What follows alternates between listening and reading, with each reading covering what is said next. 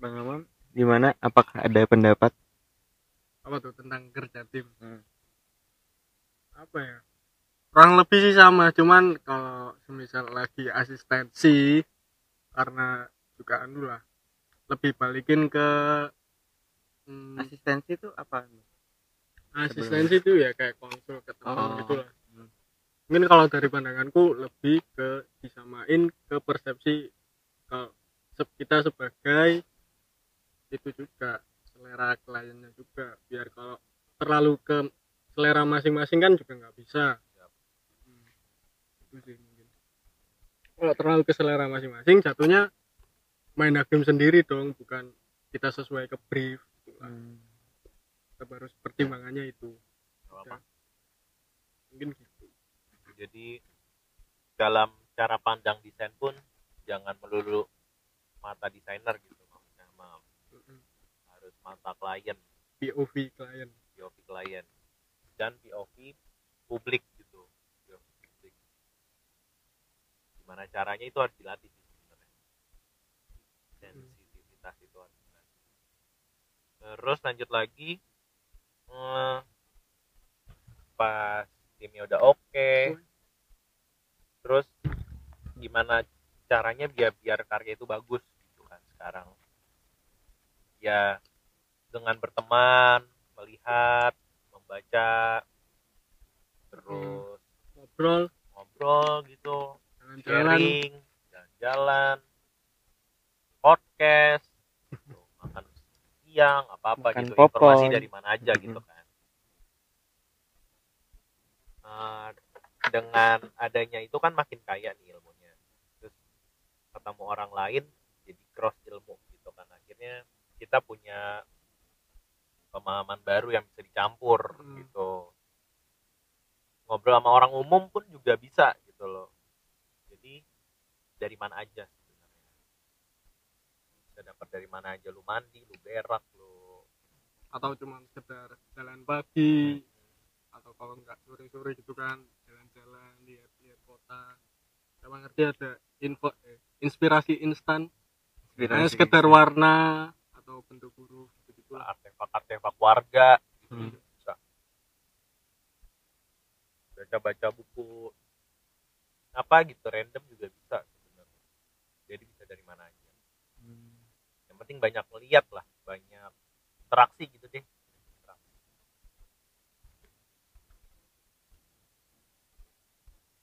terus kira-kira eh, kalau mungkin ya mungkin kalau dalam desain entah di perkuliahan atau di luar perkuliahan tuh penting penting gak sih eh, public speaking? Hmm, public speaking. Kayak biasa ngomong di depan umum gitu apa biasa buat pede buat presentasi gitu. Kalau ngaruh atau enggaknya masih nggak tahu ya Hmm. public speaking. Tapi teknik presentasi teknik presentasi memang harus oke kalau menurut pendapat gue pribadi gitu. Kita mau maunya klien kita bisa nebak oh dia maunya gini nih. Terus presentasi kita pun juga mengarah ke yang mereka pengen gitu. Jadi bisa nebak orang dan omongan kita mengarah ke orang itu. Kalau public speaking kan lebih ke banyak orang. Kalau yang teknik presentasi kan memang orang itu doang kan jadi nggak akan terlalu gugup. Terus mungkin mungkin ada ngaruhnya public speaking tapi mungkin kan cuma dari kelancaran ngomong doang Hmm. gitu kan tapi kan kalau teknik presentasi kan harus dipersiapkan sesuai materi yang akan Iya kan, dipresentasikan decknya kan deck, Hmm. deck desainnya gitu. jadi kayaknya nggak terlalu ngaruh sih kalau public speaking sih gimana cara deliver desainnya itu biar di klien terima nah dengan itu dengan udah banyak lihat dan kita bisa nyampein apa yang kita desain eh, harus ngelatih ini juga. Jadi nggak cuma sekedar ngeliat tapi ada ada simpati ada empati gitu. Berusaha mencari tahu kok apa namanya kondensor atau mic kok ada ada kamasnya gitu. ada pernya tahu kenapa kok kita disuruh agak kenceng Oh, gitu agak kenceng terus kok tiba-tiba karpetnya warna merah gitu nih ada apa gitu. Hmm. Oh penutup tendanya warnanya orange. orange bakarannya jadi apa Merah. Orange ada merah. kuning gitu Ya, soda. Gitu. Ah, lantas dengan kita Sabar. sabar Ah, gemak Bukan. kan itu Bang. beda Beda. Ini Sumatera Group. Ah, dengan kita tahu gitu apa yang kita lihat. Misalnya teman lagi eh, lagi kesan apa gitu kita bantu gitu kan rasa simpati dan empati. Terus melihat sesuatu kita berusaha mencari tahu itu kan kita simpati gitu. Eh, perhatian kita ke, ke apa yang kita lihat itu kan. Terus dengan kita ngelatih skill itu dibarengin juga rasa saling memiliki satu sama lain. Misalnya kita di dalam satu tempat yang sama satu studio yang sama ya kita berusaha untuk membantu satu sama lain. Bukan dalam pekerjaan doang tapi dari mood dari apalah kebutuhan-kebutuhan kecil lah gitu. Atau cerita atau konsul gitu ke masing-masing diri kita kan kita di dalam satu kontrakan gitu ya apa namanya nanya pendapat mereka atau cross ilmu kan juga bisa. Jadi itu semua terbentuk dari dari jadwal bangun pagi sampai ke rasa saling memiliki itu tadi sih materinya masih ada lagi. Udah. Oke. Eh, kira-kira Tim WFH durung tek durung jelas mau. enggak yang gua udah Tim WFH gue siap tuh pertanyaan iya. WFH. jadi tadi kan dari bang Aku Gofar weh. jadi bang eh jadi bang dari bang KJ udah work from office jadi sekarang gimana pendapat eh pendapat gimana bang Amam tadi mau yang mau diomongin tentang work from house kata bang Amam tadi From home. work from home Work Sikat. from home. Sik- Kang sikat bang Tentang Sikat, apa yang dulu nih? Karena kan apa ya? Sebenarnya sih WFH sama WFO member-member lah karena pekerjaannya juga hariannya mungkin sama, cuman yang bedain kan apa ya? Lebih ke agak gampang bosen sedikit. Hmm, Cuman kalau mau konsen bisa konsen banget. mungkin Tapi ya juga tergantung orang juga. mungkin itu eh, dari WFO tadi kan kayak kita bisa konsul ke teman apa gimana Mm-mm. Kalau WFA eh kalau WFH gimana bang Kalau untuk konsultasi sih malah kadang menurutku lebih agak enak juga. Kita bisa tanya-tanya temen yang emang non desain kan. Semisal kalau di ruangan itu non desain atau kalau kan karena work from home juga bisa random nanya ke orang rumah. Ini gimana? Malah malah kan enak. Oh iya ini udah kayak menu misalnya kita lagi garap desain menu atau gimana. Tapi- malah lebih enak. tapi kalau saya lagi work from home Mm-mm. nanya orang rumah itu malah disuruh masak bang Ya itu kan emang karena kewajiban domestik sih. Itu konsekuen makanya harus bangun pagi. Apa yang udah pekerjaan domestik misalnya dalam rumah nyapu atau harian ngepel atau nyuci baju itu harus seenggaknya kelar dulu atau kalau enggak dijadwal buat sore pas waktu istirahat. kalau saya sih bangun pagi enggak yang melaksanakan pekerjaan rumah bang Ngapain bang? tapi saya sikat gigi dan evaluasi Uh, bilas muka dulu Ji. eh bila suka sorry. Nambah lah. Itulah. Mungkin ya kewajiban sebagai seorang anak karena kita belum berkeluarga sendiri kan. eh pengumuman lo apa mau nikah. Wih. doain lancar sampai tanggal doain lancar ya doain lancar. Jodohnya masih siluet tapi Mbaknya tak tracing ntar. kan siluet. Eh, mungkin gini Bang Hamam. Tadi kan kalau Bang KJ-nya WFO tadi mungkin misalnya mood lagi down kan Mm-mm. ada di di tim itu kan Lawak. ada yang lawak, ada Ah. yang reminder. Heeh. Kalau WFA kan kita bukannya harus Sendiri. sendiri ya. Ah, kalau Itu itu, gimana? mencari mencari kebahagiaan sendiri. Wah susah banget ya kayaknya. Tapi kan harus itu apa namanya kalau aku sih nyiasatinya lebih ke ngobrol tentang tanya. Kan karena kantornya jauh kemarin kan. Ya nanya kesehariannya atau malah budaya-budaya yang aneh aja. Kalau enggak cari obrolan lain lah yang di luar pekerjaan. Itu sih. Kalau enggak ya kalau itu masih kurang mempan atau enggak bisa atau belum mood ya udah nonton film atau YouTube bentar gitu lah atau kalau enggak keluar bentar malahan. Jadi cari cari tempat ngerjain di luar itu juga bisa tapi nggak ngedet enggak bang. Oh, nggak. kan masih siluet ya. terus eh, jadi kalau jadi di kalau yang saya tangkap dari Bang Hamam ini kayaknya Bang Hamam orangnya nggak mudian nih. Enggak juga sih. Nggak juga? Enggak juga. Ma- malah kalau mudi itu ada misalnya nyetel TV kenceng-kenceng itu nggak bisa aku. Nggak bisa ke distrak nggak ya bisa. Nggak malah ke distract. Ngetel TV terus terus nggak bisa bro. Terganggu. Terganggu. Iya berarti nggak bisa ke distrak sama lainnya gitu. Ya, kalau pelan doang sih nggak apa-apa. gitu kayak suara Pelan. isi-isian gitu lah. Cuman amam pasangin. Amam nih dari kemarin tuh lagi ini lagi mudian banget. Di kenapa tuh Bang? Kelingi banget. Gitu kan.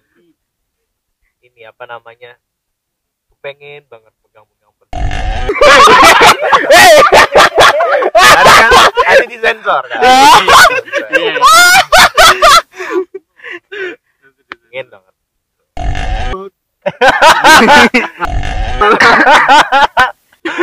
di sebelah sebelah rumah masa nggak ada kucing gitu apa? Jangan jangan.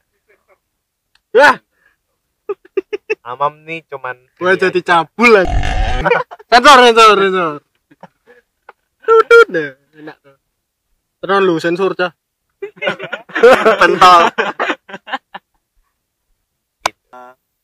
Mungkin bisa diceritain Bang KJ Bang Menurut Bang KJ dan Bang Hamam ini cara terbaik Bang KJ Bang Hamam ini apa? Masterpiece-nya lah so far sampai sekarang. Hmm, kalau untuk saat ini masterpiece-nya tuh masih apa ya? Masih kalau sebelum magang sih Yobo sih sebenarnya. Yobo mudah-mudahan Yobo ada sebelum tahun 2022 catat. Terus menunggu kepulangan beliau. Terus apa namanya eh tapi ternyata mungkin belum gitu loh belum. Mungkin arahnya sama gitu mengarah ke gigs dan ke exhibition. Tapi untuk cara eksek- eksekusi dan proses dalam mendesain itu belum gitu. Jadi jadi belum bisa dibilang masterpiece meskipun gua rasa itu masterpiece. Jadi belum matang desainnya sebenarnya belum melalui proses yang seharusnya. Tapi kalau apa? mungkin bisa diceritain eh, Yobo itu apa sih ya Pak? Gimana? Waduh nggak cukup nanti waktu kita. Yobo nih kisahnya panjang. Panjang. panjang banget. Rumit. Rumit kompleks. Singkat cerita gitu. Musik musik musik gaul Nah, tapi untuk setelah magang nanti adalah gitu. Karena saya juga masih hiatus dalam bersosial media. Jadi mudah-mudahan kalau 2021 lancar, 2022 akan banyak yang datang. Maksudnya yang akan dipublish. Gokang. Bang Hamam Kang Hamam apa tuh masterpiece-nya kira-kira Masterpiece. pertanyaannya yang kurang sing anu lah he detail ngono lho nek kok ibit koyo anu Ora ora. Dikati ya. karya masterpiece maaf. masterpiece Kalau yang menurut aku masterpiece sih karena sifatnya personal sih kemarin yang ngerjain resistance mono itu ngerjain font typist karena juga nggak nyangka juga bakal di review sama salah satu tokoh desain di Praha dari Ceko Jazz. Itulah. Slop ya? Heeh. si Alex Lobzeninov itulah bacanya. Oh pecuh ngars! Ya cuman tapi kalau makin ke sini mikirnya karyanya harus selesai dulu. Kalau enggak apa ya diperbaiki kalau diperbaikinya sih udah secara aspek visualnya. Cuman mungkin lebih ke teknikalnya lagi yang lebih detail ke depannya. Itulah. Resistance mono ya? You typist itu tapi enggak dijual belum.